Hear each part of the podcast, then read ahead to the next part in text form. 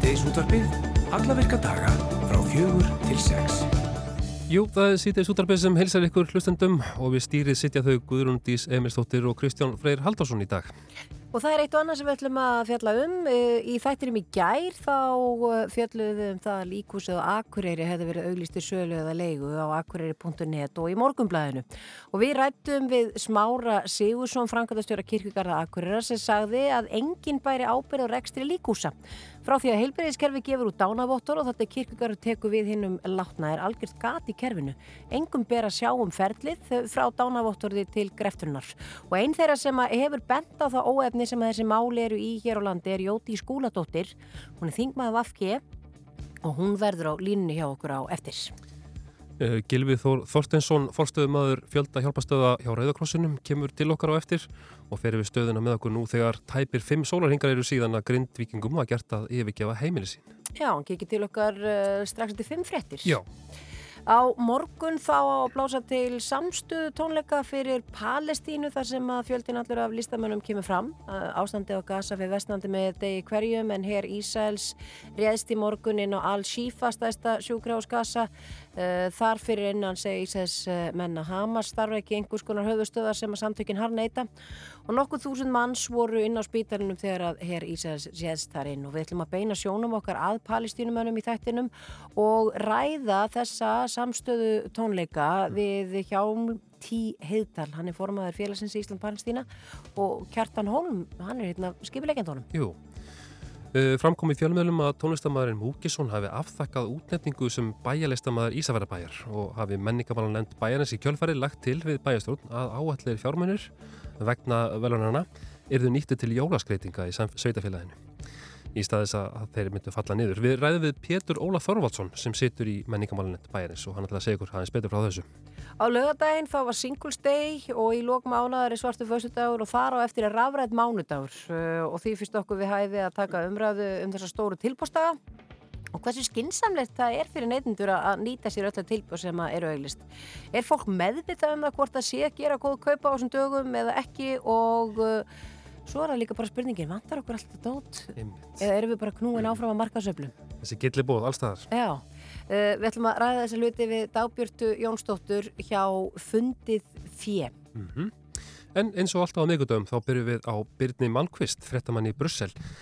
Sælbjörn, uh, hér heima á Íslandi eru auðvitað allir með hugan hjá grindvikingum.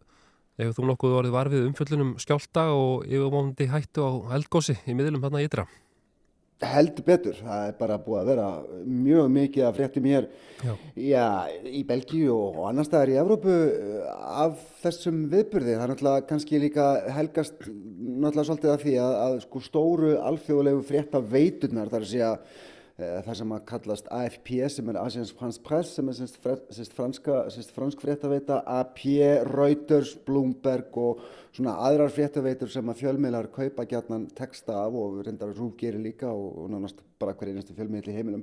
Þeir hafa allir verið að fjalla talsveit mikið um þetta og, og, og þú veist á, á þýsku, á ennsku, á, á fransku og en það er svona kannski mismunandi hvernig sko, á, svona, veist hvernig einstakir fjölmiðlar eh, við eh, sko, setja sitt mark á, á textana sem að koma frá sem fréttavitum til dæmis í, í sko ríkismiðli þeirra belga hér á fransku þar segja RTBF uh, hérna, sem er í rauninni rúf þeirra, þeirra belga á fransku það er bara fyrirsögnin sko neyðar ástand á Íslandi. Það er bara eins og, þú veist, eins og svo allt Ísland sé bara hundir skilur og hérna svo er hérna evróskur frettarmiðl sem heitir Politico sem að fjalla mikið um stjórnmóli í Evrópu. Þeir, þeir reyndar er eini erlendi miðlinn sem ég hef séð sem að hefur sko sem að tóku upp sko fréttina af þessum lögum sem voru samþitt heima um, um skattin á á brunnabótamáti, þeir, þeir hafa fjallað svolítið um það, eh, það var sko Spíkel, þíski fréttamiðlin, hann var mjög hófsamur og hann sagði bara áhyggjur á Íslandi og, og vittnaði í hérna, nefnir ekki auðvitað sætt, það var ditt sætt sem að sagði það, hann sagði hérna áhyggjur á Íslandi. Spíkel var eins og það með sko viðtal við hérna Þorvald Þorðarsson sem er náttúrulega alþjóðleg fjölmjöla stjarnar, þar er sér að Þorvaldur eldfjallafræðingur upp í Háskóla Íslands, hann segir hérna í fyrirsögnu, að það er haft eftir hann um í fyrirsögnu að okkar gós eru miklu minni heldur en Pompei gósið sem var hvernig 70 eftir, eftir Nei, 70 fyrir Fyrir Krist, Krist. spurði minni mig, ef ég, já, fyrir e- eitthvað svo leiðis. En allavega, það er svona, en það er bara mjög mikið af, af fréttaflutningi, að, þú veist, alltaf verið að vísa í, sko, eigifallagósið 2010 og svona alltaf þessi litlu gós síðustu þrjú ár og allt það og, og svona fólk er mjög minnugt um þetta. Um, þetta hefur vakið talsverð aðtegli og það er svona eins og venjulega þegar maður er í útlandum og fylgist með fréttaflutningi erlendra miðla af Íslandi þá er eins og eins og ég var kannski að vísa til í upphafi sko, það, það er svona svolítið eins og að þetta sé bara einhvern veginn allt landið undir. Veist, það er bara það er alltaf talað um Grindavík en það er svona hljómurinn í þessu er alltaf svo, svolítið eins og það sé bara allt landið undir það sé bara allt í fári bara út um allt Ísland Já. Þessi eldfjalla eiga sé bara hreinlega að springa. Svolítið, það er svolítið svoleiðis En Já. kemur þarna fram að einhvers staðar að þetta sé kannski bara í gæti orðið í miðri byggð af því að við náttúrulega erum vön þessum síðustu eldkosum hérna síðustu ár en kemur það já, staðar fram, finnst þér? Já, já, Já, já, alvarleikin kemur fram og, og það hefur líka komið fram til dæmis á BBC, ég, ég er nú oft með BBC hérna í útvarpinu hjá mér, uh, sko þeir hafa nú reyndar ekki staðið svona eitt alveg rosalega vel í þessu finnst mér, þeir tala alltaf um einhverja, einhverja hérna kvíku á sem að sé undir einhver, sem að þú veist, eins og einhver á sem að renni bara einhvern veginn undir yfirborðið jarðar hérna, en, en, en svona ná þessu, þeir ná svona meinatriðum réttum, við við skulum gefa um það, en hérna, en, en þetta er sko fyrir, og ég skil það svo sem alveg að fyrir sko fólk sem að, veist, hefur ekki við þetta eins og við og, og svona er kannski soldið vanar að þessu heldur en mjög margir aðrir, þá er þetta ansi svona, hvað ég segja, magnþrungnir og alvarlegir, auðvitað eru þeir magnþrungnir og alvarlegir, ég meina, þú veist, þeir eru það náttúrulega, en þú veist, fyrir útlendingar sem að þekkit ekki eins og við, þá eru þeir eiginlega miklu meiri svona, það er miklu meiri ógn í þeim og það er miklu meiri svona, já, svona, hvað við segja, nú bara vantar mig orð, en þeir skiljið hvað ég meina. já. En við þetta má bæta kannski að, að Hulda Geirstóttir, kollegi okkar, hún var einmitt í viðtali bara á BBC heldur bara í gær, það sem að hún var viðmælindi til þess að ræða um stöðunum, stöðuna í Grindavík og hugsanlegt elgós. Já, já, og það er, ég svo meina, það er mjög margir fréttamenn sem að, já, og það er mjög margir fréttamenn rúf sem að hafa farið í, í, í viðtölu á undanförnum dögum og við gerum þetta reglulega þegar svona kemur upp á, ég meina, ég var í, í viðtölum, ég veit ekki hvað marga fjölmjöla 2010 í kringum eifallegósið og maður reynir alltaf að leggja áherslu á að, að sko að þetta sé staðbundið, að hættan sé staðbundin, veist, það er ekki allt landið undir, það er fólk á Íslandi sem að lifir ellu lífi að meðan á svo stendur. Og ég meina, þú veist, þú veist, hugur allir er hjá, allra er hjá grindvíkingum. En það eru líka sko eða, þú veist, veist 345.000 aðri skilur sem að búa í Íslandi og, og hérna. Þannig að það er svona, maður reynir kannski svolítið að setja þetta í samengi og, og svo þetta sé ekki bara einhvern veginn eða þú veist eins og þú segir að Ísland sé einhvern veginn bara springi loftu Nei, en það, það hafa bara margir fengið skilaboð vitt og breytt um landið uh, frá erlendum vinum eða sem er að spyrja um hvort það sé í lægi með viðkomandi því að Já. kannski er fólk ekkert eðlilega landfræðilega mjög kunnugt hér. Nei, og, nei, nei, og ég fengi þessi, sk- þessi, hef fengið þessi skilabóð líka og það er einmitt, einmitt, einmitt þetta sko. Bæði það að fólk tekir, sko, þú veist ekki landafræðina, en líka einhvern veginn að, að svona, þú veist, ímynd og alvarleiki þessara atbyrða, hann er svolítið svona, hann er svolítið blásinn út í smá afgarstundum. En Björn, hvað er að frétta svona helst frá Brussel? Uh, frá Brussel, Bara- ég get sagt ykkur, ég get sagt ykkur stuttarfréttir af lestarsamgöngum ég er, ég er mjög hrifun af lestarsamgöngum eins og þú kannski hefur orðið vör við Guðrún Já. þú, þú varst nú með mér hérna í beitni á, á, á lestarstöðinni í sumar því ég var að taka lestur eftir Berlín Já, það var, það var í rauninni söguleg ferð. Það má nú eiginlega segja það. Ha. Og sjarmerandi, var, sá, var svo ferð, þannig að mér döðlangar í þess að ferð sjálf. En já, halda áfram. Haldt áfram. Já. Herðu, ég, sko það er hérna sko nú er að koma samkeppni á Eurostar þar að segja hérna hræðlistinin sem gengur á milli London býtur nú við, London, uh, Brussel. Lille, Parísar, jú, emitt uh, alveg svakalega skemmtilegt að taka hana. Ég mæli með henni líka, hún, hún fer á 350 km hraða þegar hún fer hraðast. Og fer í göngin sko undir sundið og það er bara mjög gaman að taka hana beint frá Brussel, þetta er bara nýra á býtur við, niður á Victoria ef ég mann rétt í London. Og hérna uh, nú er að koma samkeppni á þessari línu og það á að fara að bæta við ferðum og uh, það verður meiri sjens á að taka lestina sérst, til dæmis frá Brussel til London eða frá London til Parísar, það verður fleiri lestir og, og hérna þetta er bara á að byrja næsta sumar ef ég mann eða, nei, árið eftir, 2025 svolítið í þetta en samt mjög gaman að fá samkeppni því það er Það er frekar dýrt að taka Eurostar uh, hérna, uh, til dæmis að milli Brussel og London. Ég, ég minna, ég hef borgað 180 eurur fyrir það í fyrra. Já. Nei, ég vor, nei, ég vor segi ég og hérna, þannig að það er, veist, það er ekki ódýrt en það er mjög, mjög hagkamur og skemmtilegu ferðamáti og ég mæli sérstaklega með því. Ég hef líka minnst á það að það er svona, það verður auðveldar núna að taka lestina milli Brussel og Parísar, það er búið að vera frekar dýrt að, og það hefur líka verið einangon á þeirri leið. Og svo að því að við vorum að tala um lætulestir þá er þeim alltaf að fjölga þessum, þessum, þessum möguleikum. Nú í sumar veru, hérna getum við farið til Prag og, og hérna allar einn niður til Barcelona og það er bara hægt að ferðast hér út um allt með lestum yfir nótt sem er nýtt og skemmtilegt Já, allt er besta mál. En þú fórst í, í heimsókn, er það ekki, í vikunni? Herri, ég fór á förstu daginn, þá nefnilega lendi ég í skemmtilegri heimsókn. Þannig að mál með vextið að hér voru stödd, eða staddar, tvær manneskjur frá Rúf. Þetta er nú svolítið heimalaga þessi frétt, sko, en það voru sem sagt, uh, við sögðum frá því einhvern veginn í sumar að það stóð til að senda sko einhverjar 12.000 spólur úr safni Rúf uh, til Brussel til að færa þær á stafrænt form. Og, og, hérna, og þannig að það er sérst fyrirtæki hérna í útkverfi sem heitir A-Buy í útkverfi í, hérna, í útíðar í Brussel sem heitir Evere. Það er teknifyrirtæki sem að sér hafi sig í að, að sérst, gera stafrænt svona gamalt efni á, á alls konar spólum. Þeir eru með græjur fyrir, ég veit ekki, sko, að liggum við bara sko lakkplötur eða eitthvað, þú veist, sem að etið sem að etið sem var að búa til eða eitthvað. Þeir geta bara tekið nánast hvað sem er og setta bara á stafrænt form og við mættum þarna, uh, þau komu hérna Helga Lára Þorsteins, hún er sapstjóri Rúf og Egil Jóhansson sem er teknimaður á sapninu og hérna þau sáum að senda þetta hinga og voru nú alveg bara að naga neglunar þau sáu eftir þessum kössum hérna í flutningabíla og áfram í skip til Belgíu því að þetta er náttúrulega, þú veist, þetta er menningar verðmætti og þetta er menningar arfurinn, ég meina, þú veist, Helga Lára, hún, hún, hún kallar þetta veggfóður lífsokkar sem Og- að mér finnst alveg einstaklega skemmtileg, hérna, skemmtileg lýsing. Og þau voru með Og- hvíta og- hanska eða ekki, Björn? Jú, jú, jú. Hvíta hanska til að handleika þetta allt saman, einmitt, þetta er svona eins og handlitin heim.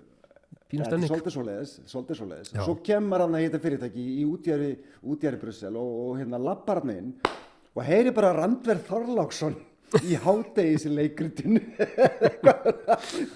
Ótrúlega skemmtilegt. Á næsta borðið verið að, þú veist, þú veist, það er einhver gamall danskur þullur af því að það er verið að, þú veist, það er verið að yfirfara dansstefni frá DR, það er að segja danska ríkisútarpinu og svo er einhver austurskur symfóníur og hérna, og þetta var ótrúlega skemmtilega reynsla hérna, sendi hér að Íslands inn í Belgíu hann kom og, og fekk að fekk að starta þetta upptöku og við vorum hann í 2-3 tíma, ég gerir reyndar sjóhansfrétt sem að sérst örgla á næstu dögum svona þegar hún kemst að út af, út af gos umfjöllun eða sagt, þessum, þessum væringum heima. En hérna ég talaði aðeins við hann Egil uh, Jóhans, teknimann uh, þegar hann þegar, hann, þegar við vorum hann við skulum heyra það vittar, það er örstuðt Egil, það lítur að vera einkennileg og skemmtileg tilfinning að standa hérna í þessu fyrirtæki í Brussel og, og hlusta á eldgamnar upptökur frá Ríkisútarpinu. Við erum að hlusta á hvað hátegis leikritið uh, örglega frá svona sjötta, sjönda áratöknum. Þetta er, sko, þetta er stórkostlegt að sjá þetta, þetta fyrirtæki sem er stopnað hvað, 89 uh, og hefur bara vaksið síðan. Það er nóg að gera hérna við að afgreiða hljóð og mynd frá öllum heimsórnum og mér sýnist að þetta er í rosalega góðum höndum, sé ég bara. Þið komum með hvað einhverjar 12.000 uh, spólur frá Íslandi hingað og það er bara verið að yfirfæra þær á fullu. Já, við hérna, pakkuðum niður í, í heilan gám, einhverju 300 kassar og það hérna, hefur allt skilað sér hingað. Þá er þetta mikið taugastríð að horfa eftir þessu inn í bílinn þegar þetta fór að stað. En, en að sko, upplifa þetta, fólki sem að vinnur hérna, lætur manni bara að líða vel með það. Af því að þetta er ekki bara spólur, þetta er, þetta er menningararfur. Þetta eru, þetta eru rattirnar okkar, þetta er, já, þetta er, þetta er menningararfurinn að miklu leiti, þú veist, svo stórum hluta, sko. Þannig að, já, Skiptir máli. skiptir máli. Þú veist, við heldum eftir Nobelskaldinu af því að við viljum af, af, af, afrita það sjálf.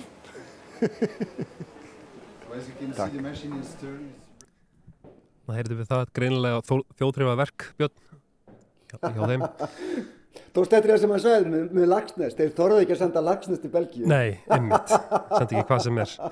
Erum takk fyrir þetta Björn, þetta var fróðlegt og, og við bara, heyrjumst ekki bara viku síðar. Gerð það. takk, takk. Bless, bless. Fyrst og fremst. Þetta er Rástvö.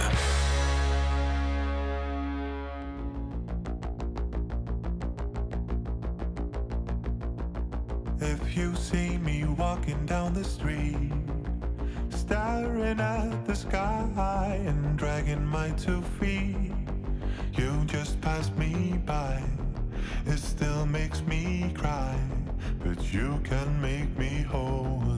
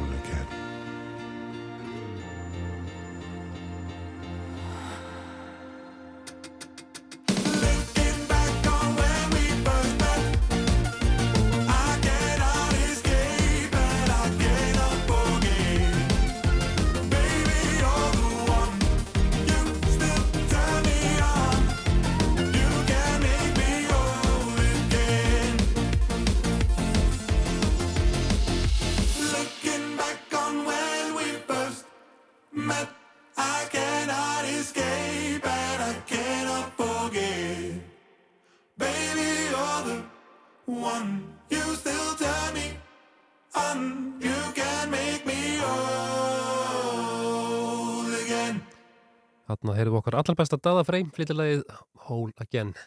Í þættinum í gær þá fjöldluðum um það að líkúsið á Akureyri hefði verið auglist í sölu eða leigu á akureyri.net og í morgunblæðinu og við rættum í kjölfari við Smára Sigursson, Frankardagsjöra kirkara Akureyrar sem sagði að enginn bæri ábyrð á rekstri líkúsa. Frá því að heilbriðiskerfi gefur út dánaváttorð og það til kirkjugarður teku við hinnum látna er algjört gat í kerfinu og engun ber að sjá um ferlið frá dánaváttorði til greftunar. Og einn þeirra sem hefur bent á uh, það óefni sem þessi máli er í hér á landi er Jótís Skúladóttir, Þingmaður Vafki og hún er á línu hjá okkur. Kondur sæl og blessu Jótís. Já, komiði blessu og sæl. Já, þessi auglýsing uh, um að líkús sé til sölu eða leigu, ke- kemur þér þetta á óvart? Ég kannski eins og staðan er, kemur það ekkert sérstaklega á óvart af því að þetta er alveg rétt sem að kemur fram í þessar umfjöldun ykkar í gær að, og það er nú ástæðan fyrir því að ég hérna mælti fyrir þingsályktun um meðferð og geimslu líka af því að eins og fram hefur komið að þá veit engin næturstað frá andláti til grafar og það veist engin ber á því ábyrði eða, eða eiga það málefni, einhvern veginn. Mm Og maður hefur haldið það hinga til eins og við rettum við smára í, í gær að þetta væri, já svona kannski ekki allt saman alveg og hreinu í smerri bæjarfélögum en þetta verist vera á, já eins og til dæmis á Akureyri og í Reykjavík líka. Já, og ég meina á meðan að staðan er svona óljós og, og þetta er ekki einhvern veginn eirnamert sérstaklega uh, inn í einhverju laga umhverfi og reglum að þá, þá verður þessi óvisa uppi og auðvitað er, sko, þetta er náttúrulega kannski svolítið tvíbent að, að á stærri stöðum eins og Reykjavík eða Akureyri að þar hafa þessi mál þó verið í, í betra lægi heldur en á smæstu stöðum sem að hafa enga burði til að, að, að halda upp í slíkri þjónustu og, og ég hef nú rætt það við ykkur áður að, við þekkjum það af landsbyðinni að sumstað þarf að flytja líka á, á milli bæjarkjarnar sveitafélaga því að það er einfallega engin staður. Þannig að þetta eru þetta snúið en, en já, þetta, þetta er líka vandi hjá hinnum stærri sveitafélagum. Er það ekki algengast að séu heilbyrðistóndanir sem að brúi bilið eða hvað? Hvað segir þau? Algengast? Já. Jú, það er það og, og, og hérna víða um land hafa til dæmis verið útbúin einhver, hefur verið útbúin einhver aðstafa sem að jafnvel hefur þá verið gert fyrir einhvers konar gafafið mm -hmm. og það er ekki svo að, að, að það séu ekki allir að gera sitt allra besta, ég hef fulla trú á því en, en málið er bara eitthvað svo munadarlöst mm. það þarf að vera bara skýrammi um þetta og fjármagn sem að hægt er að sækja til þess að, að málunum sé velkomið fyrir allstaðar á landinu og hvar sem fólk býr þegar að kemur að andláti ættingjana skilur að þá, þá taki bara eitthvað ferli við Já. óháð hvað þú býr. Hann talaði um það í gæri að í öllu löndum Skandiníu sem við berum okkur gerna sama við þá eru líkus og líkbreslur og einhvers konar opimberu forræði en uh, þetta viðist einhvern veginn hafa, já, bara algjörlega fallið á milli hér. Hva, hvað myndir þú vilja sjá gerast í þessu? Já, sko eins og þessi þingsályktun hljómar að þá finnst mér vera fyrsta skrefið að fela dómsmálar á þeirra að skipa starfshóp um úttækt á aðstöðunni uh, og sko bara hvert er aðgengið, uh, hvað er viðugandi húsnæði, hvernig er regluverkið, þar að lútandi og hvaða úrbóta er þörf. Ég held að það sé fyrsta skrefið bara þannig að við náum utanum málið. En svo að því að þú vísar nú í hvort að þetta eigi að vera, ég er náttúrulega bara þannig manneska að mér finnst það almenn þjónusta sem að eigi að ná til okkar allra og við öll þurfum á að halda eigi að vera á höndum ríkisins. Það er mín skoðun. En, en hvort að það verður lendingin og, og er þetta hérna, mjög, það væri gaglegt að horfa líka til nákvæmlega landana og hvað þau er að gera og hvernig málunum er best förið. Mm. Heldur að þessi auðlýsing sem að byrtist í morgublaðinu og akkurir.net í gær eigi eftir að vekja aðtekli dómsmárar á þeirra því að uh, smári sagðist hafa fengið áheyrn eh, allra dómsmálar á þeirra síðan 2011 en ekkert hefði gerst þannig heldur þetta sé eh, til þess að íta mál á næsta stað? Já, ég held að öll umræða hjálpi og ég held að það sé þannig að við bara eigum að, að tala hátt um þetta. Þetta er óbóðleg staða eins og hún er og uh, ég vissum það að ráð þeirra tekur vel í þetta mál og að við getum og ég, já, ég held að umræðan og þessi auglýsing sem er auðvitað svona hálf grátt brosleg uh, verði til þess að íta við fólki um mikilvægi þessa máls. Mm -hmm. Það er rétt hjá Jóttis, við hérna, flíkist vel með þessum málum áfram og, og þakka það kjallaði fyrir að setja ykkur inn í málinn og, og takk fyrir spjallið. Já, kæra þakkir. Takk.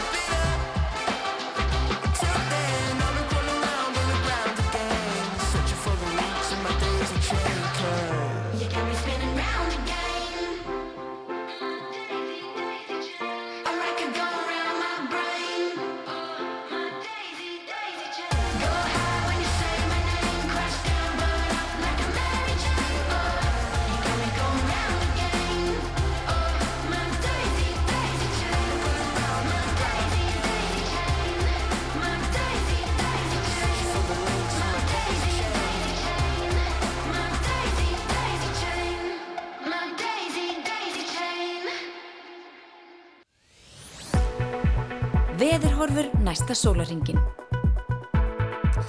Já, við skulum fara yfir veðurhorfunar næsta sólaringin uh, eins og sæði hérna í kynningunni en uh, það er austlæg átt 3 til 10 metrar sekundu en 10 til 15 við suðuströndina Bjart veður á norðanverðurlandinu en dálu til væta öðru kóru sunnan til og á austfjörðum. Uh, þurft að kalla Suðvestalands á morgun, hiti 0 til 8 stig og ætla að vera ekki bara mildast siðst eins og segir hér í, í hugleðingum veðurfræðinga.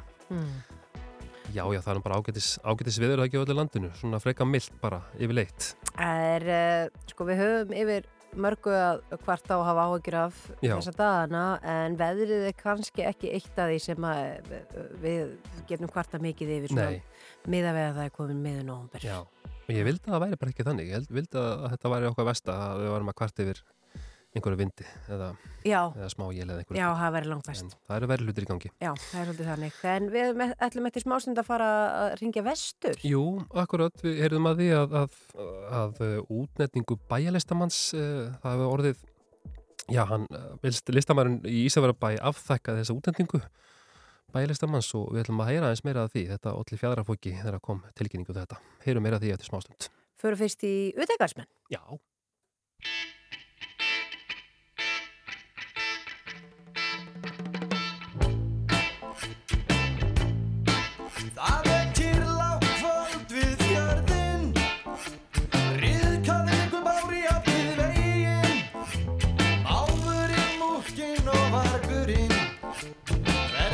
midnight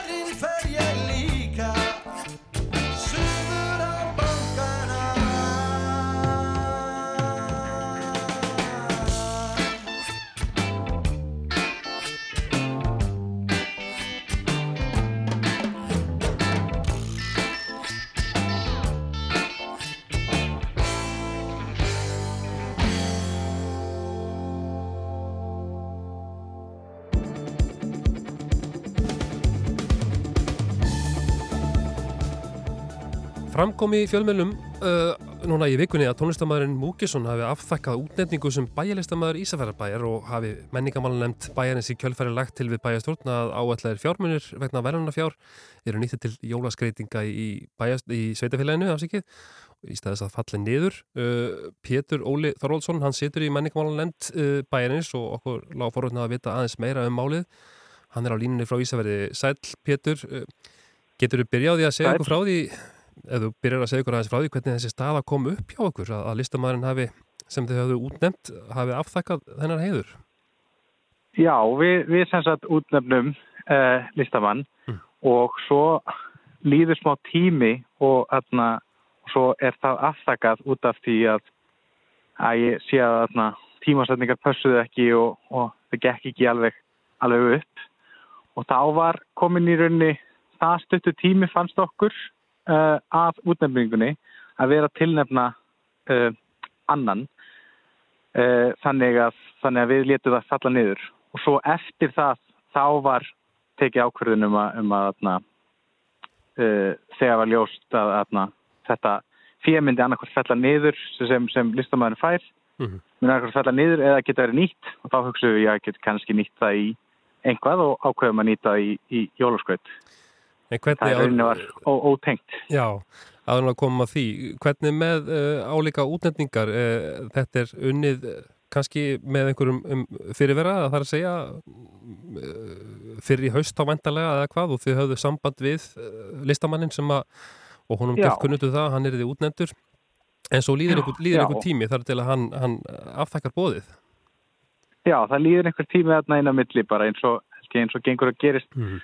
Að, þarna, að þegar nær dregur þá fattar maður kannski hvar tímasetningar eru og svona. Mhm. eh, og, þarna, og við vorum með mjög mikið útnefningum. Það er nóg af góðu listafólki hérna. Mhm. þannig þetta var stór listi af fólki og frábært hvað við fengum mikið af tilnefningum. En, þarna, en þannig okkur fannst að fara aftur yfir uh, listan og útnefna nýjan uh, nýjan listamann þegar var svona stutt í útnefningaháttíðina sem var á vetunætum hérna Mhm. á fannst þetta var bara of já, þetta var bara of naumi tími því miður Mhm. Þannig að það voru margir, margar tilendingar sem að bárust þannig að þið búið vel að, að komum fjölda listafólks en, en Já. hver, þannig að það var ekki það var þegar orðið kunnutt um það hver myndi hljótar útendingununa áður en að hann svo aftur afþakkar eða hvað? það, uh, það var búið að það var Það búið að að tilkynna um ákveða það var ekki búið að tilkynna nei, ekki að, að, að, að það verður, var tilkynnt að, já, tilkynningin átt að vera á, á sér stað á vetranætum Mhm. en, en já, það er rauninni bara að fara yfir ferlið aftur að fara yfir tilnefningar og hafa samband við þá þennan nýja listamann og fannst þetta bara að vera of knappi tími Mhm. eh, Margir sem að, að hjöggu eftir þessu núna hérna í vikunni þeir Emmi tók eftir því að, að eins og þú orðaðir sjálfur það er hérna með uh, fjárhæðina sem að, sem að Já. svo, svo þið lögðu til að yrðu, yrðu nýtt að yrðu nýtt til frekari jólaskreitinga í sveitafélaginu. Það voru margir sem að yrðu kvumsa yfir því. Er ekki já, skilningur ég ykkar, held að er ekki skilningur ykkar á, á þeim, þeim hérna, þeim, þeim gagnir í þessu röddum?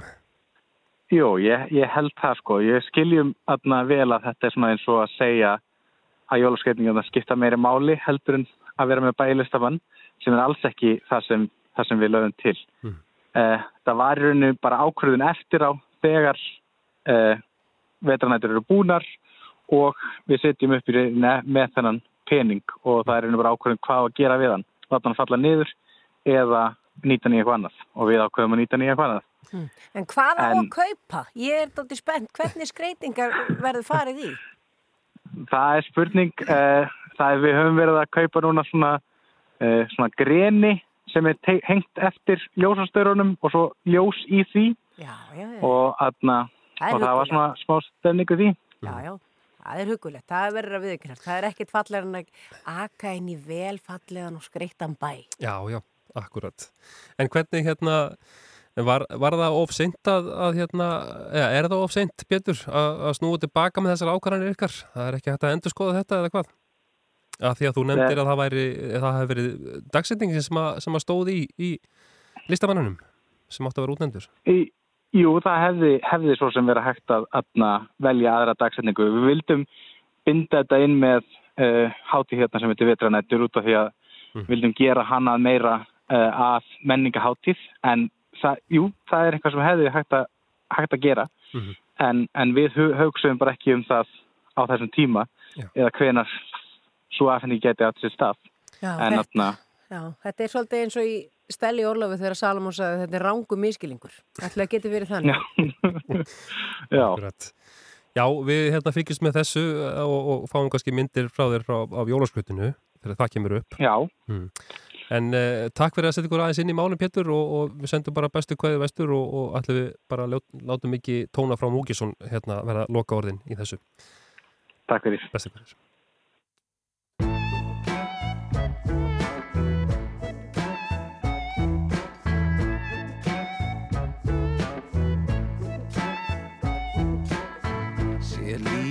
Lífið sjálft, lof og dýr Og ljósið í þér, sama hvernig þú snýr Allam, alla, amma, mamma, mú. Já, haldt á kett og syngjandi kú.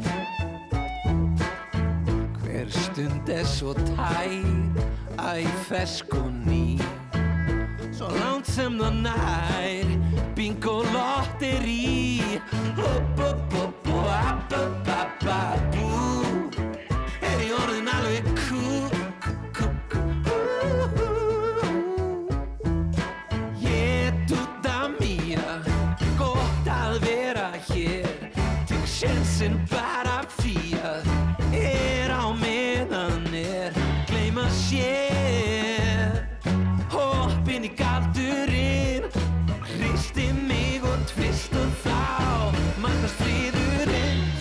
I'll be.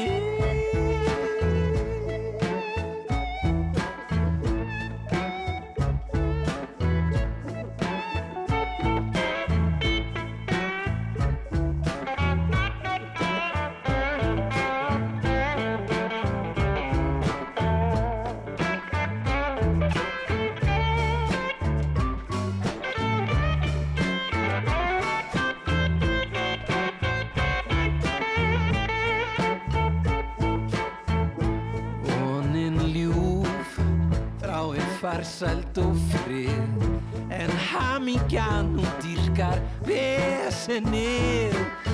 bara svona Ups a daisy ú Svei mig þá og hann na, na, na, nú. Ég trú á ástina Hún bjargi mér eins og snáka ólíur og engi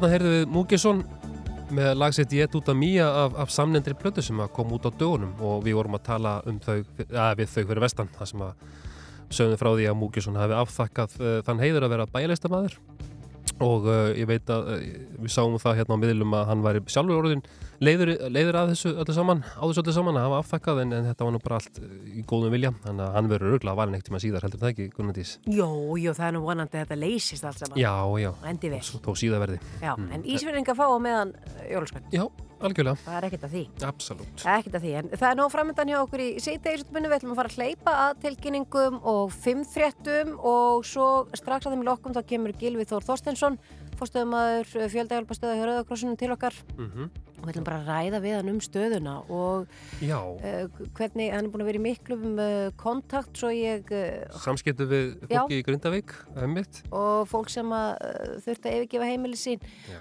bara svona að ræða við hann um þetta allt saman einmitt. Og svo er það Ísland-Palestína Já, við ætlum að fá þá uh, Hjálmtí Heiðdal og, og Kjartan Holm sem að eru að skipulegja tónleika annarkvöld til styrtar Palestínu, það er Ísland-Palestína Ísland-Palestína félagi sem heldur uh, utanum þau þessi Já. tónleika Og svo ætlum við að velta fyrir okkur öllum þessum tilbóðstöðum hvort að maður sé raunverulega að gera góð tau- kaup á, á tilbóðstöðum hérna á eftir.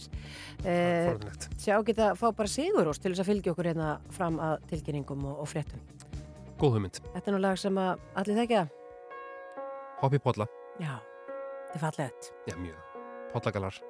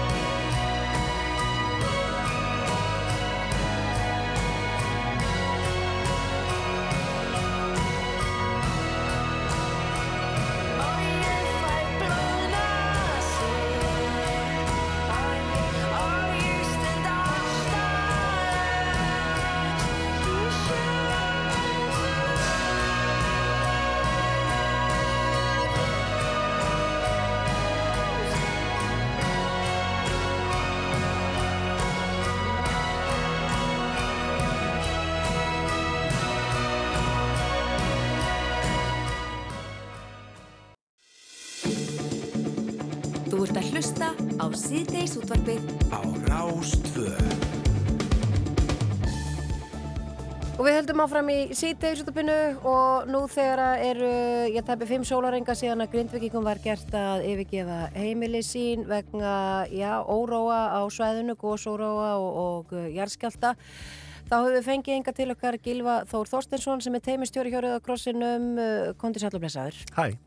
Uh, Þú varst uh, allt í öllu uh, í fjöldahjálpastöðunum, uh, Einn af þeim, já.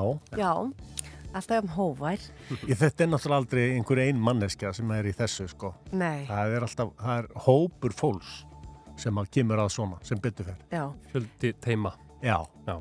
Uh, og við fengum enga bara til okkar til þess að ræða almennt um stöðuna, hvernig hún er í dag og uh, hvernig hefur gengið að koma öllum fyrir og uh, fá þak undir, þak yfir höfuðið. Já, sko auðvitað eru, eru margir sem að eiga eftir að fá einmitt þetta, þakka yfir höfuðið.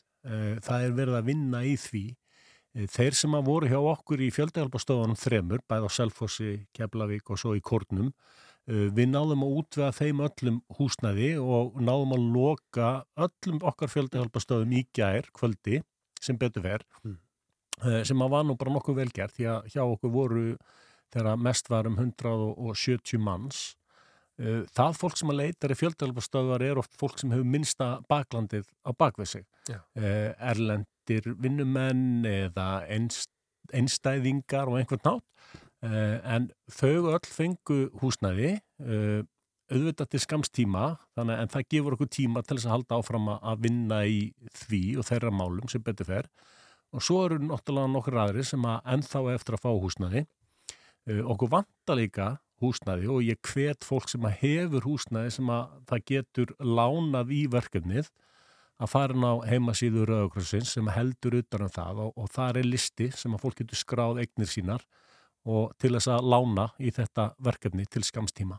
Mm Og eins og þú sagðir, Gilvi, að margir þeir sem að leituðu í fjöldahjálpastöðar voru mögulega af erlendu bergi brotnir. Uh, var þá ekki bara stórpartur af því að ræða við þetta fólk og veita því upplýsingar um hvað myndi grípa það því að það kemur kannski frá löndum þar sem að það væri ekki gripið við svona aðstæður. Jú, jú, jú, það er náttúrulega þessi, hérna, eh, þessi sálræna skyndihjálp er, er nöðsynleg og, og hjá okkur voru reynda líka Íslendingar sem, a, sem að þekki ekki kerfi heldur vegna þess að við náttúrulega þekkjum ekki það sem við höfum ekki lendi áður og, og við erum þarna til staða til, til þess að grípa þessa einstaklinga og leiðbeina þeim eftir bestu getu. Við getum ekki svarað öllu, það er ímislegt sem við vitum ekki svörin við og, og þá er bara um að gera að, að viðkjöna það að, að við vitum ekki svarið en við reynum að komast að því. Og við þurfum náttúrulega svona að, að veita fólki þennan stuðning til dæmis þegar fólki var að koma til okkur hérna föstaskvöld að, að þá sá ég eitthvað sem ég hef aldrei síða áður og það var þessi, þessi svo kallega skjálta riða, fólk var að stíga ölduna við náttúrulega áttum okkur ekki á sem fund, fundum kannski hérna á höfuborgarsvæðinu einn og einn skjálta en hjá þeim þá var ekkert stopp á milli skjáltana hérna á föstudeginum en nema kannski einhverja sekundur Mm. og þegar þau komið til okkar þá, þá bara þjáðust þau að sjóveiki og þau svona stigu öldina og ég satt best að segja held að, að það hefði verið tæmt úr einhverju partí og það væri bara annað hver maður drukki en það var bara alls ekki svo Mm. og það var þegar þau voru síðan að leggja sniður á betnan okkar að, að þá bara ringsnýrist veröldin hjá þeim mörgum Já. og þetta svona, setti þetta svolítið í samingi fyrir okkur sem að erum hérna á höfuborgarsvæðinu og, og finnum kannski bara svona einn og einn skjálta og okkur finnst þetta óþægilegt þetta var bara allt unni lífstræsla sem, að- sem að þau voru að, að glíma við Vá.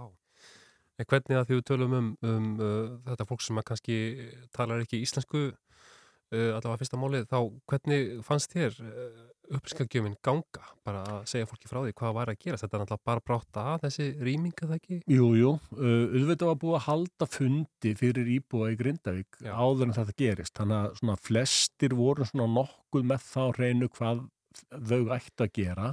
Og eins þegar rýmingin var að, að, hérna, að hvað væri að gerast. Hins var sá maður líka að það voru margir sem að uh, og nánast allir sem komu til okkar komu bara í þeim fatnaði sem þau stóð í þann daginn sem þau, þau þurfti að rýma. Kom ekki með neitt með sér margir voru samt sem áður búin að taka til svona viðlagakassa eða töskur og gemdu við útidrahörðina en að því að flestir heldu að þau væri bara að fara út af jarðskjáltónum og getur komið aftur daginn eftir eða setnum kvöldið og tóku þau ekkert með sér.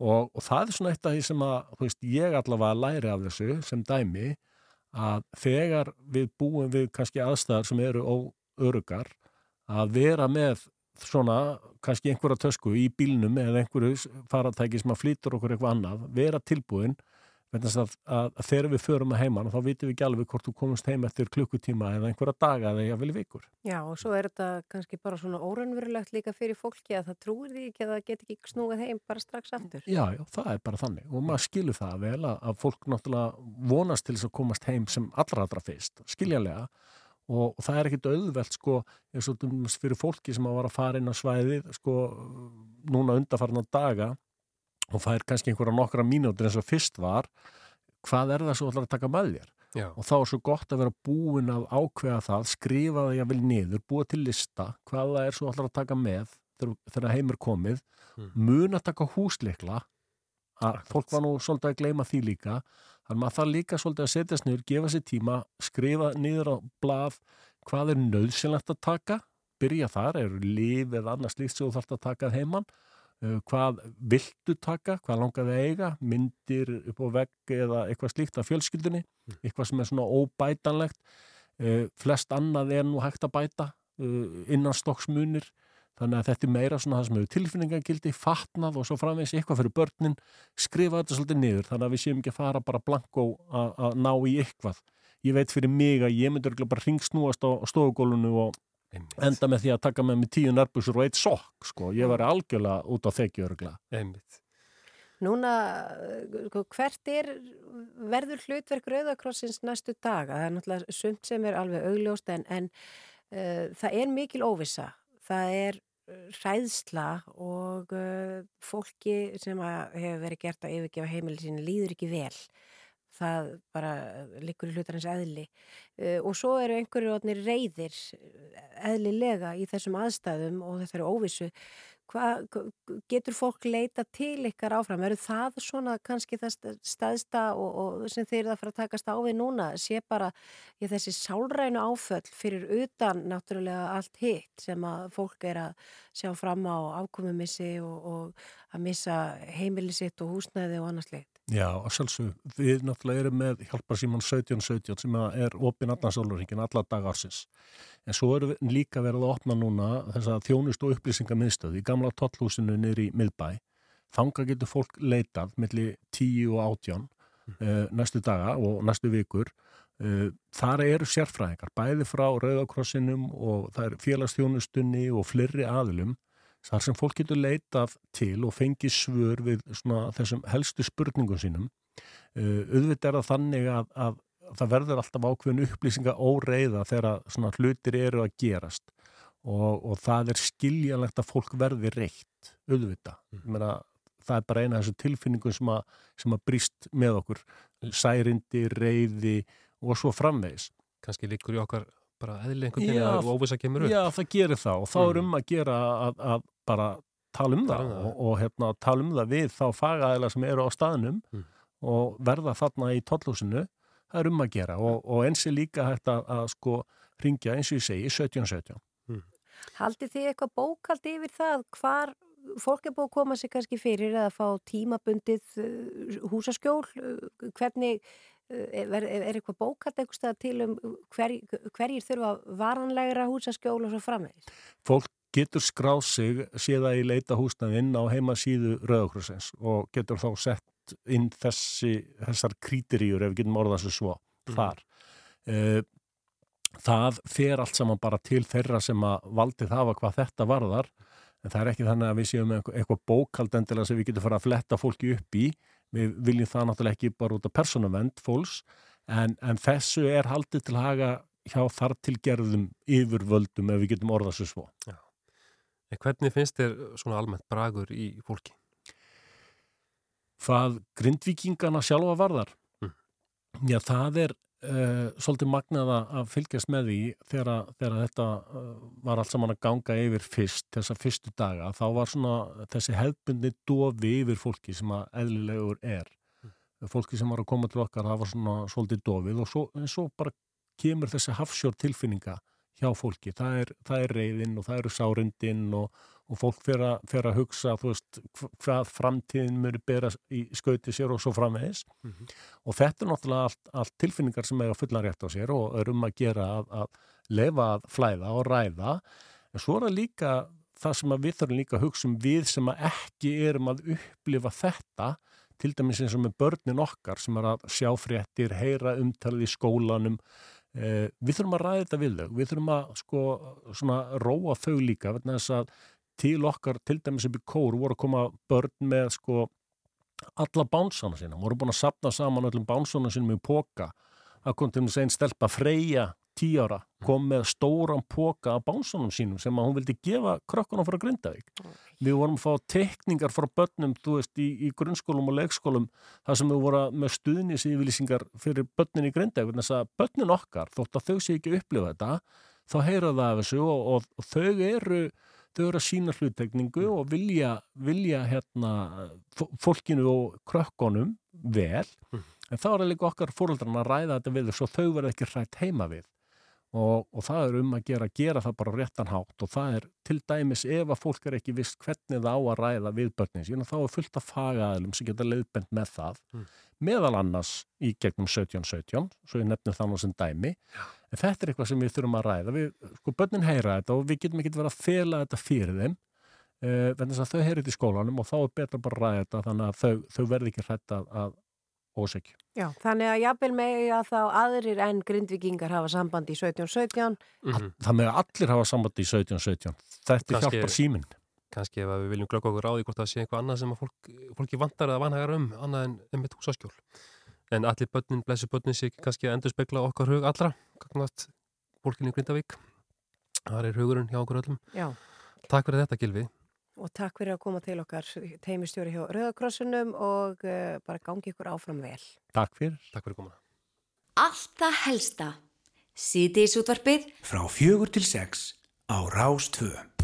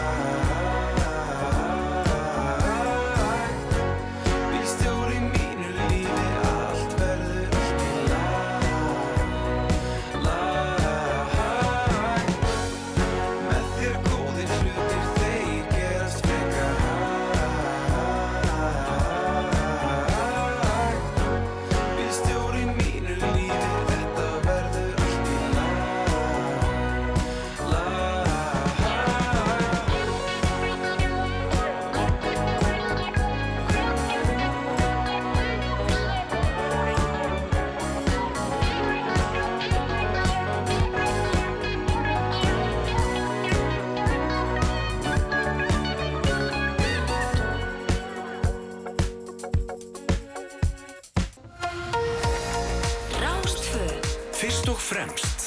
Við erum Rástfö.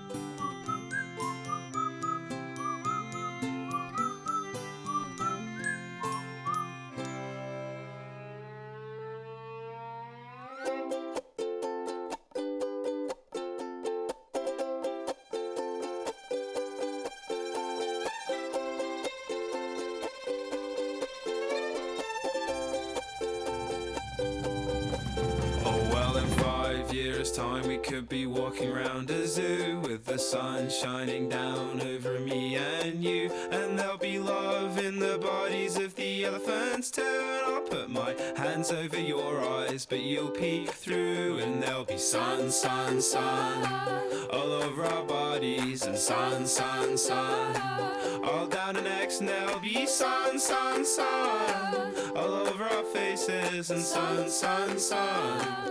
So what the heck? Cause I'll be laughing at all of your silly little jokes. And we'll be laughing about how we used to smoke all those stupid little cigarettes and drink stupid wine. Cause it's what we needed to have a good time. But it was fun.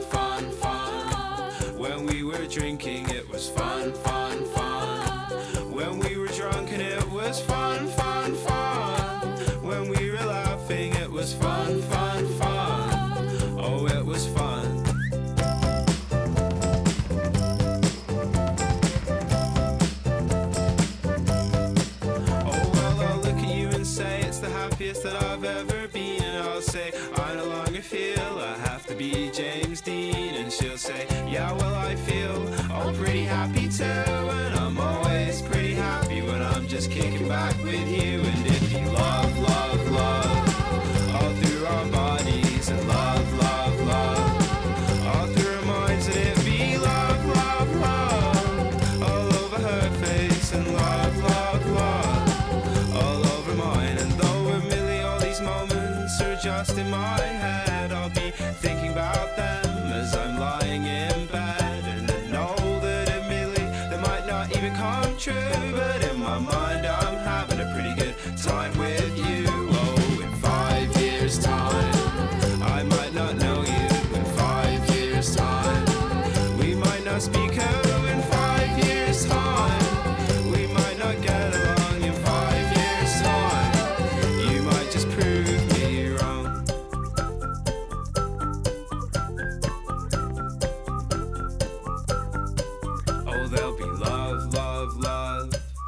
Wherever you go, there'll be love, love, love.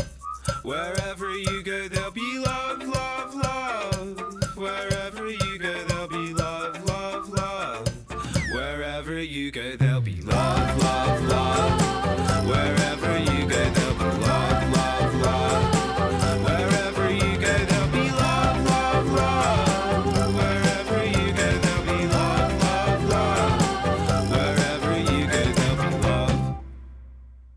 Five Years Time heitir uh, þetta lag en við ætlum uh, næstu mínutnar að ræða ástandið í Palestínu. En á morgun á að blása til samstöðu tónleika fyrir Palestínu þar sem að fjöldin allur af uh, listamönnum kemur fram og ástandið á Gaza það fyrir vestnandi með degi hverjum.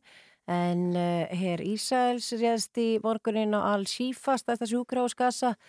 Og það fyrir innan segja Ísæls menn að Hamas þarf ekki einhvers konar höfustofur sem að samtökin harð uh, neyta og nokkuð þúsund manns voru inn á spítalinu þegar að hér Ísæðar séðast þar inn og við ætlum að beina sjónum okkar að já, þessu svæði núna og uh, ræða þessa tónleika við hjálmti heiðtal formann félags Íslandi Palestína og Kjartan Holm sem að er eitt skipileikandi tónleikana og þeir eru yngar komnir, velkomnir. Takk. Já, ástandið á Gaza er hræðilegra en orðfrálýst og, uh, uh, og það bara vestnar. Já, það vestnar með hverjum klukkutímanum og segja og sérstaklega þegar náttúrulega er verið að berjast í kringum sjúkurháð sem eru fulla sjúklingum og flóttafólki og læknum og ja, hjúkurnafólki sem er þar bara lokað inni og það er barist í kring. En það má nefna það í sambandi við þessi, þessi hérna, neðjarabyrgi sem að þið segja Hamas hafi undir spítalunum, þau eru byggða í Ísraelum 1993. Þannig að Ísraelar vissum þá alltaf þarna væru uh, svona böngerar, en þeir, það er ekki böngerar sem hafa verið neini leini böngerar og ekki gerði til þess eins og sagt er að, að búa til mannlega skildi sem að spítalinn er að vernda uh, nýjajarðar þarna, hérna, semst herbergin sem að Hamas er í, heldur er þetta gamalt uh, frá þessum tíma og eh, er náttúrulega notað af Hamas en ekki náttúrulega mikið vegna þess að þeir vita að Ísraelar vita nákvæmlega allt um þessa, þessa þarna, þessi byrgi. Mm. Það kemur fram í, í þessum fréttum að uh, Ísæðsherr hafi farið inn á sjúkrásið og í rauninni gengið þarna um og yfirheyrt og ekki neinu byssuskoti hafi verið hleyft af. Það er allavega það sem er sagt í fréttum núna. Þannig að hafa þeir þá ekki fundið hamasliðan hann undir ef að þeir þá ekki eru þarna? Þeir eru náttúrulega búin að koma sér burt frá því svæði þar sem að Ísrael, Ísrael geta náð í þá. En það eru fregnir af miklu bardugum og það, til dæmis var hérna upplýst í dag að, að uh, Ísraels her með sín, sín mikla vopnabúna og alla sína skriðdrega að hann hafi orðið fyrir heilmiklu tjóni, það sé búið að sprengja og skjóta á cirka 160 brinnvarinn tæki sem þeir hafa, sem sagt, þannig að þessi, þetta er mikil orusta og Ísrael er náttúrulega, þeir hafa rosalega sterkan her, eitt sterkasta her í heimi og þeir geta farið inn í þetta svæði og þeir, þeir rústaði játfram, sko, þeir faraði með jarðítur og sprengjivörpur og flugvelar og e, ráðast á allt sem að semst, kvikt er, það sem að þeir telja að séu hamasliðar en það hefur að það líst yfir það að drepa alla hamasliða þannig að þetta eru rosalega orustur sem er í gangi Mm Nú í tilkynningu sáum við að, að, að það er mynd af árásir Ísraelshers á Gaza hafi staðið yfir í 39 daga eða síðan að hriðverka árásir Hamas ámanna borgar í Ísrael voru þann 7. oktober. Hvernig hérna, finnst ykkur svona eh, viðbröð bara alþjóðasamfélagsins vera? Menna, þetta er búið að ganga yfir þannig þetta langa tíma. Já, viðbröð alþjóða samfélagsins eins og það heitir, þau hafa náttúrulega áratögum saman verið engin nánast Mm. og Ísrael hefur komist upp með allt sitt hernám og herkví og, og landtöku og ólöglega byggingu múrsins og allt þetta án þess að þeir hafi nokkuð tífan orðið fyrir nokkurum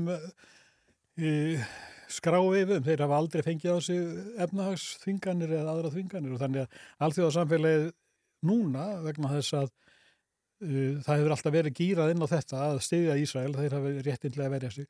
Þeir, að menn voru mjög snöggir núna að fordæma Hamas og lýsa yfir miklu stuðningi við Ísrael eins og bandargemennum þeir senduð þangað bara vopn strax og fleiri eh, ríki og um, það segir okkur sérst hvar þessi, þessir sérst vestrænu stjórnmálamenn standa og hafa staðið og þeir er ekkert að skipta um skoðum, þeir bara segja að Ísra, Ísrael hafi í rauninni nánast allar rétt. Maður finnur fyrir fullkonu bjargaleysi í, í svona aðstæðum og að vera að, og við bara sittum hjá náttúrulega og horfum á þetta, það er ekkert þetta að gera en, en þið hafi verið að reyna að gera ímislegt til þess að vekja aðtikli á þessu. Þannig að fara aðeins yfir það með okkur. Uh, Já, vissulega. Um, það eru samstöðu tónleikar á morgun í gamla bíó. Mm.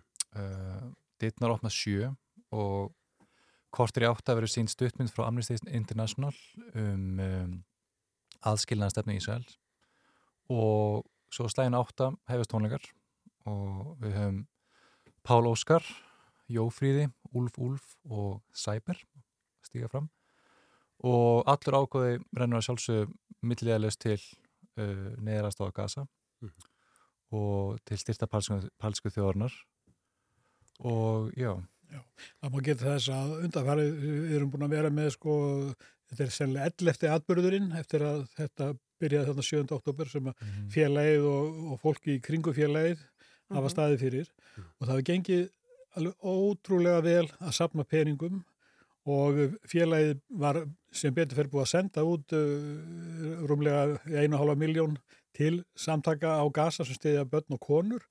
Og það var meira í, í undirbúningi en síðan náttúrulega hefur allt ástandi vestna þannig að við erum núna aðtöða hvernig við komum þessum peningum áleiðis. Við erum í samvinnu við nokkur samtök bæði í, á Gaza og síðan á Vesturbakkanum við Jenin, flottamannabúðunum og það verður, er unnið að því núna semst, að, að finna leiðir og, og, og þörfina.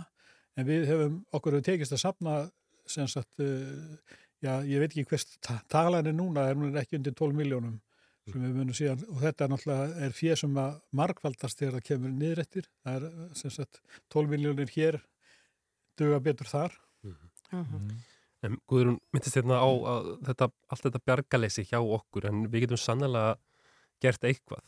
Uh, en hérna verðið þið var við, nú hafið þið verið að standa fyrir mótmælum og öðru slíku og, og uh, það, er, það er einhver samhugur hér hjá Íslengu þjóðinni en hvernig finnst ykkur uh, vera einhver dóði yfir þessu? Ég er um að tala um þessa, þessa 39 daga og, og bara líka þessar þessa fréttir sem við höfum heyrt í getnum tíðina frá þessu svæði. Finnir þið fyrir dóða eða? Já, alveg hygglust. Maður, maður alltaf les bara allt sem maður getur svo sem ko- komið, komið höndur sem yfir og mm.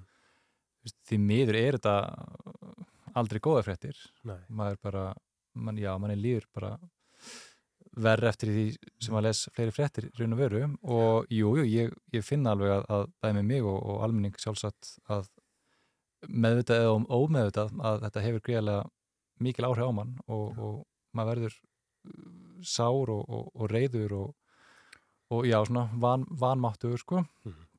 Ég kom til Gaza eftir stóru árásennar 2008-2009 svo ég hef komið inn á svæði sem að er búið að sprengja svona sundur og saman, ekki saman fyrir gefið, sundur og hitt fólkið sem að átti heima í sumum þessara húsa sem var þá yfirleitt bara búandi í tjöldum.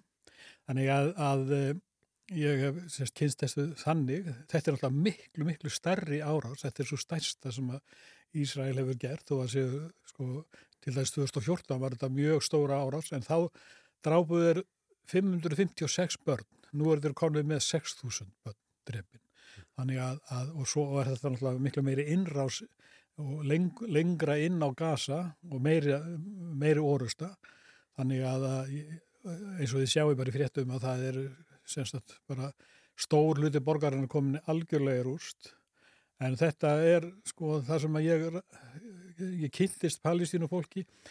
Þetta er svo ótrúlegt fólk það sem að hefur mátt þóla en hvað er ennþá mikill hugur í því og palestínu menn sem búa hér þeir eru náttúrulega í öngum sínu, þeir eru ættingja og vini sem þeir vita kannski ekki hvar eru niðurkomnir og, uh, og þetta náttúrulega tekur á að, að sagt, verða vitna þessari miklu grind sem er þarna og að alþjóða samfélagi, svo við nefnum það aftur, Já. hvaða fyrirbrið sem það er, að það skuli ekki hafa stíi fastar fæti niður.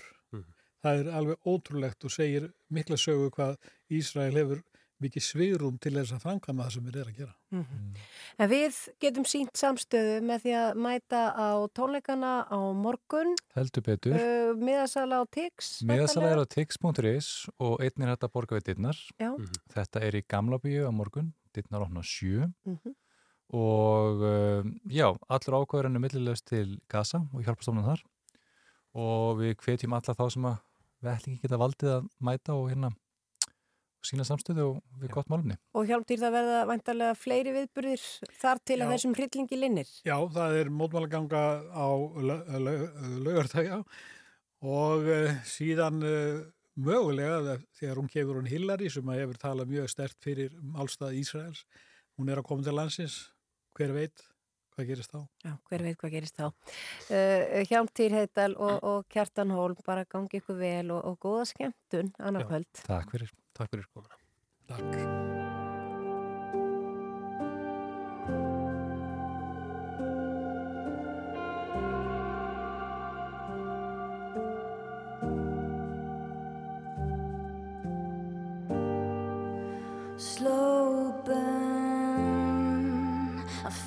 The fire now on my skin. How to let it go through it all. The fire must burn until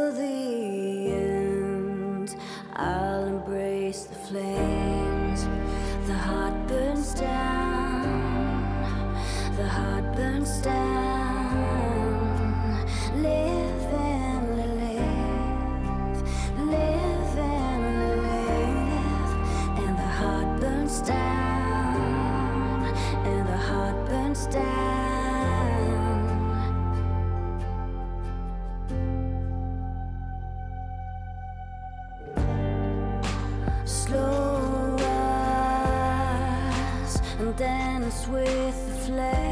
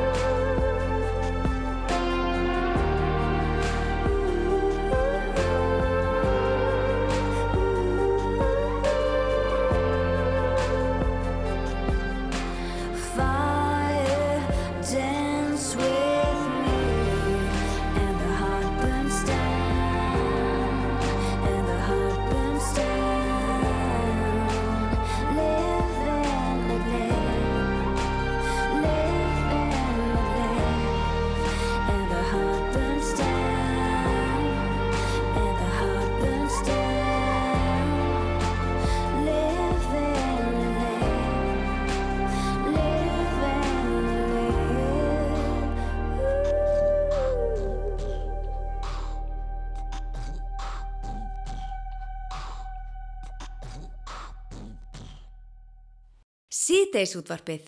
Hæfileg blanda. Frá fjögur til sex á Rástvö.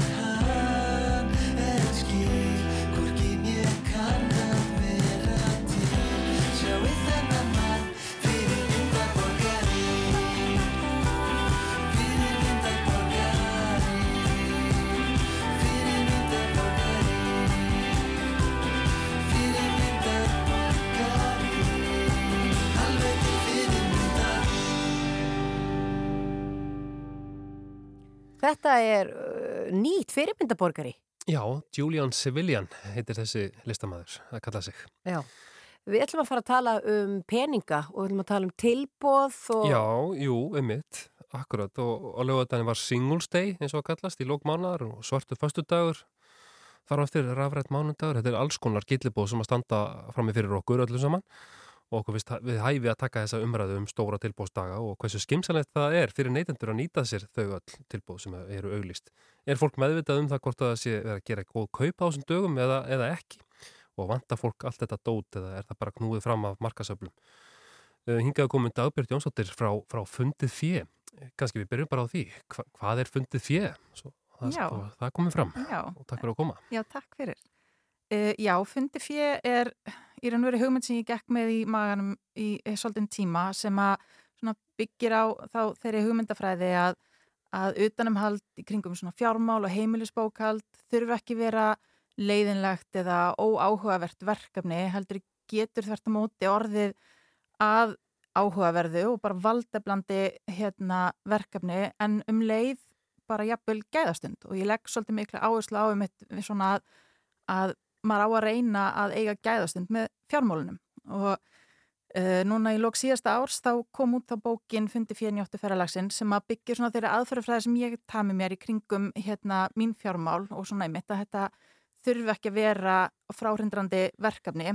Og hérna í bókinni þá skrifar niður svona öll þín útgjöld viku fyrir viku og einmitt átt þess að gæðastund í lókvikunar þar sem að þú sest yfir því sem að hérna þú hefur eitt og öll þín innkaup og veldur í svona fyrir þér hvort að þetta endur spekli svona þínar áherslur og þín fjárhastlegu markmið og hvort að sé rými til bætinga, hvort, að- hvað var gert vel og þannig svona fara hægt og rólega svolítið svona að endur skoða hvaða er sem þú vilt að peningarnir fara í. Já, en þetta geti verið kvíðanlegt fyrir einhverju að sittast niður og, og svona sjá þetta alls ekki fyrir sér sem einhverja geðastund. Nei, og það er kannski svona áfangastæðurinn og þess vegna tala ég oft um að þetta sé svona svolítið fjárhastlegt ferðalag sem maður fer í þegar maður byrjar að, setjast yfir þessi mál. Og, hérna, og það er mjög eðlileg tilfinning og mjög skiljanleg tilfinning að það komi upp eitthvað svona áhyggjur og jafnvel kvíði yfir þessu.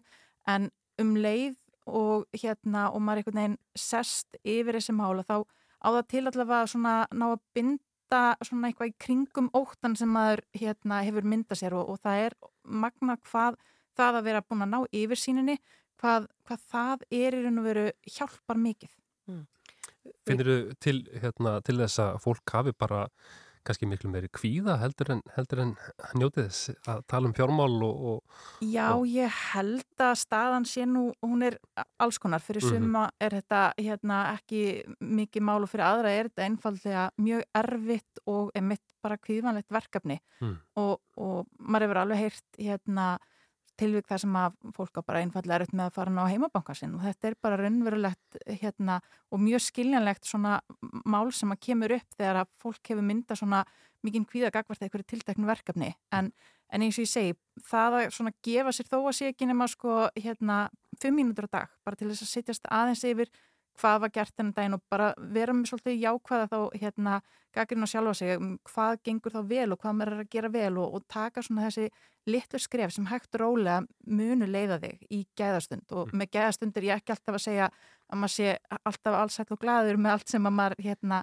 svona fer yfir en, en þú býrðir til þetta rými og þessa stund til þess að hérna gefa þér pláss fyrir, fyrir að fara við fjármálinn. Já, nú er að gangi garð uh, sá tími sem að já, við Kristján varum að tala um þetta að, fjármál geta reynt á parasambönd, þau geta líka reynt bara á fjölskyldulífið af því að uh, fólk fyrir svo í vörn uh, yfir því að þeir á að fara að skera niður hér eða þar og, og, svona. Þetta er kannski, það er ekki allir á sömu bylgjulengd alltaf og einmitt eins og þú segir líka fólk lítur ekki peningasömum augum. Það er, það er kannski misjamt uh, hvernig fólk gerir það. Og alveg sett Já, og við vorum að velta því fyrir okkur því að núna er að koma allir þessi tilbústaðar og svo er að koma uh, jól sem að margir kvíða sögum þessa það er fjárútlát og Já. slíkt sem fylgir því.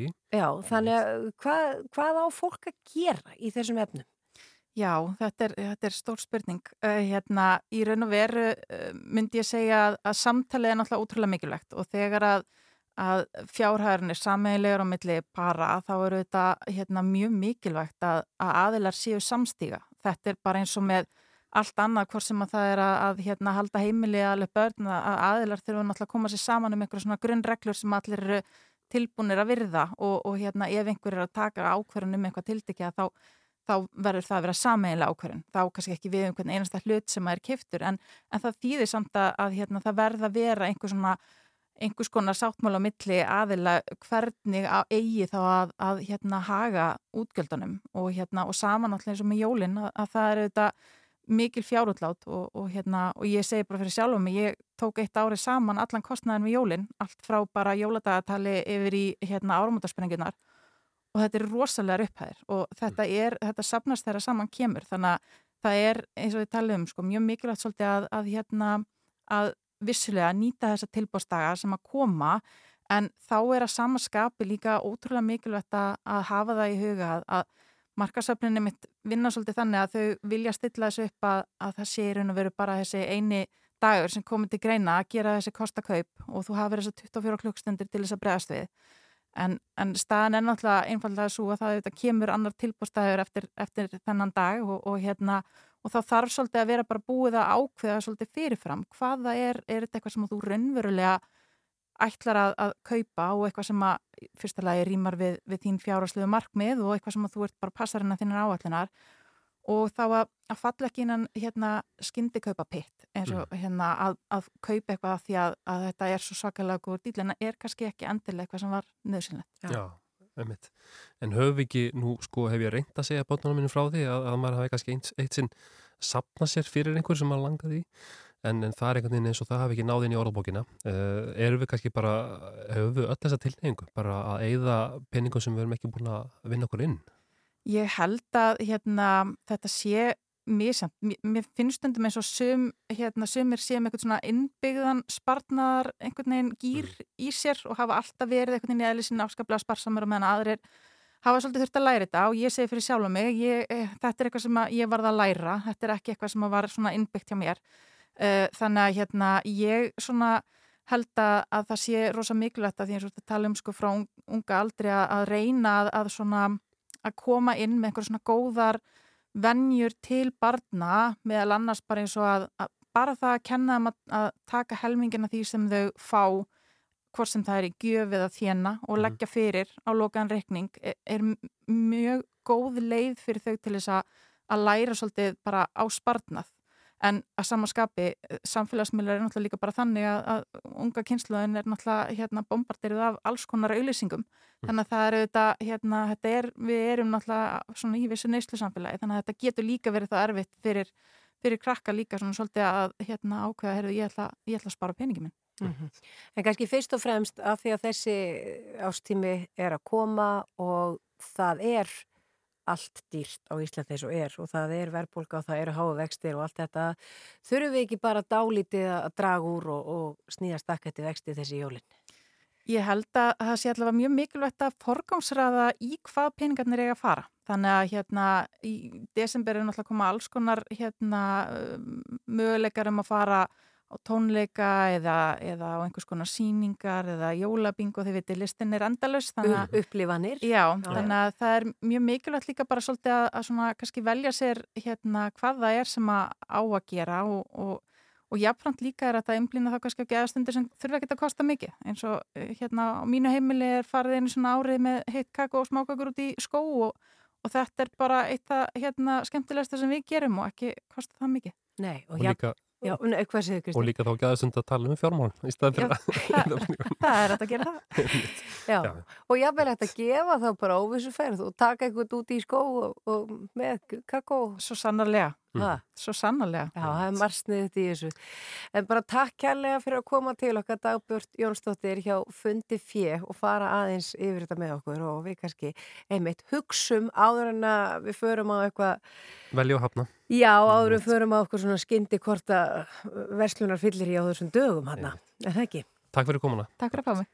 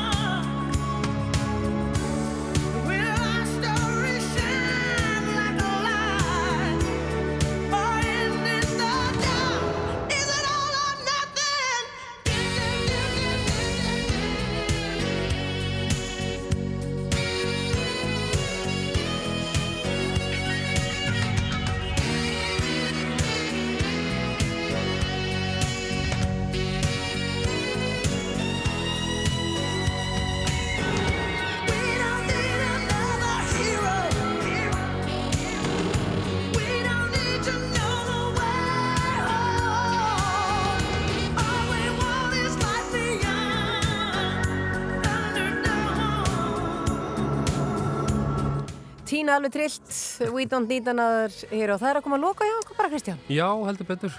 Það er margt og mikið sem hefur verið á döfunni hjá okkur og, og, og hérna, þungmál og önnur lettari kannski en, en á ymsum toga. Við vorum að kveðja hana ræðbrestu frá fundið fjö Mhm. og svo hefur við rætt aðeins um Ísland-Palestínu og samstöðu tónleikana og uh, auðvitað málefnin í Grindavík og fólki þar sem að þarf að, að já, þarf að aðstóða að halda þessum dögum. Og svo voru stóra máli fyrir vestan sem voru uh, þessi listamannavelun. Já, já, útnending lista, bæjarlistamann sem mitt. Þannig að við erum búin að koma víða við eins og oft gerum hérna í síðdeis útarpinu. Já. En það er komið að hvaðið stund. Það er komið að kveðustund. Ertu með lag? Já, ég með langaði bara að enda þetta á Palla því að hann er að spila á tónleikunum annarkvöld. Samstöðu tónleikum Íslands-Palestínu annarkvöld í Gána Bíói. Já. Svo töluðum við um líkús líka og fórum til Brussel, ná að gera. Vá. Já. En takk fyrir að lusta. Takk fyrir okkur í dag. Spurningar heilin minn spyr Hjarta mitt er ekki með svar Ég slegg úr símanum mínum Bara svo að þú veitir það Stóra spurningar gott yfir Ekkert er eins og það var Ég væri til í að elska þig En þú veist þetta er